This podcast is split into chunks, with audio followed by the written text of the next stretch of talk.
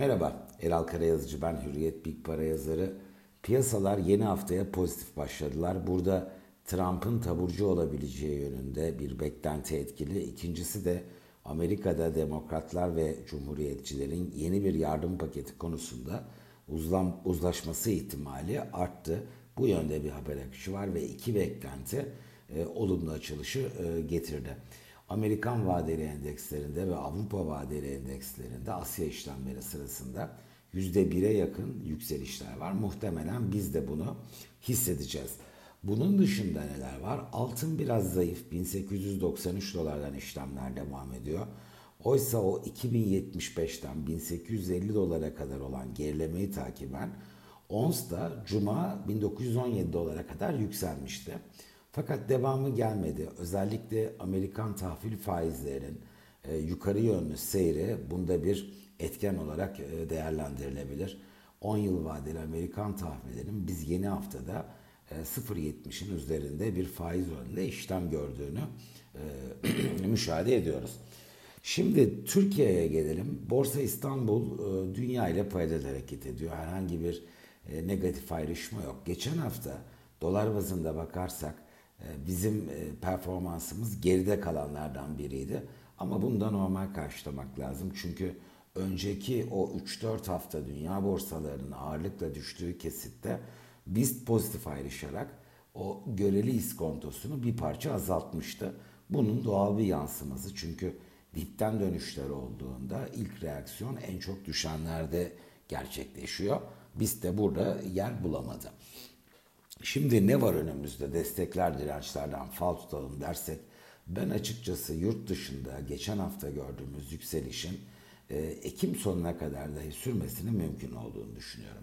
Şüphesiz haber akışı çok etkili olacak. Özellikle Amerika'daki yardım paketi. E, burada masa devrilirse bunun negatif etkisi olacağını söylemek bir kahinlik olmaz. Ancak benim şansını en yüksek gördüğüm senaryo burada adım adım sürecin bir uzlaşıya doğru gideceği e, Trump konusunda da böyle seçimlerle ilgili çok kaotik bir tabloyu beraberinde getirecek. E, bu rahatsızlığına, Covid-19'a yönelik çok majör bir haber akışı olmazsa e, ben birkaç hafta daha yurt dışında talepli seyrin sürebileceğini ve borsa endekslerinin %4'leri 5'leri bulabilen ilave primlere imza atabileceklerini düşünüyorum. Dow Jones üzerinden gidersek Amerikan Borsa Endeksi bugün 27.800 puana yakın işlemler geçiyor.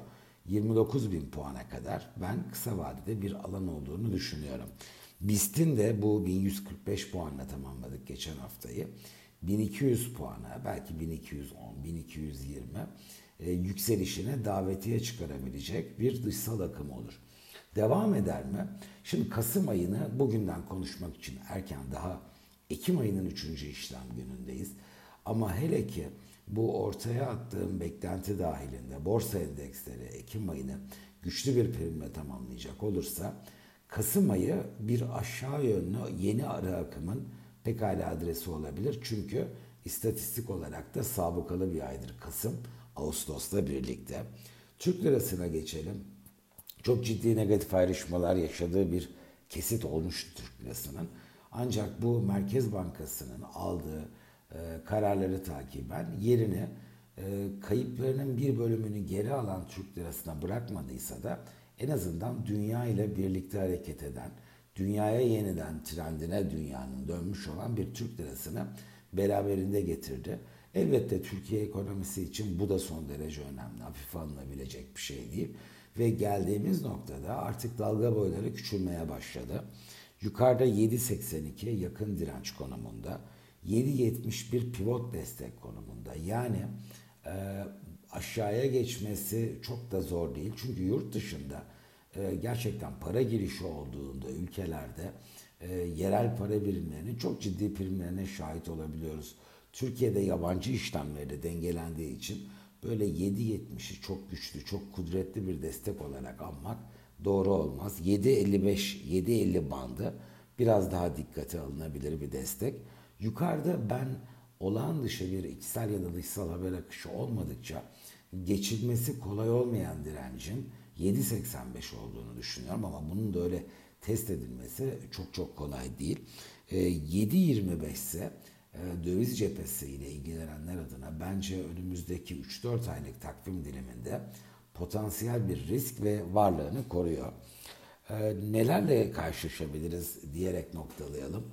Aşı konusu şu anda gündemde yok. Haberlere baktığımız zaman Trump var, işte Amerika'da yardım paketi var, Brexit konusunda e, Avrupa'da görüşmelerde bir ilerleme kaydedildiği var. Olumlu motifler bunlar. Fakat yeni bir aşının Batı kampı tarafından onaylanacak e, böyle birçok e, cephede çalışmalar var. Ama bir aşının bulunduğuna yönelik bir manşet elbette yok. Ekim ayının içinde tam da Amerikan seçimlerine kısa bir süre kala böyle bir şeyle karşılaşabilir miyiz? E, şüphesiz bence bu da dikkate alınması gereken olası bir pozitif senaryo. E, bu şekilde pozitif açılan ve dalgalı olsa da pozitif devam etme ihtimali daha yüksek görünen bir haftaya yelken açmış görünüyoruz.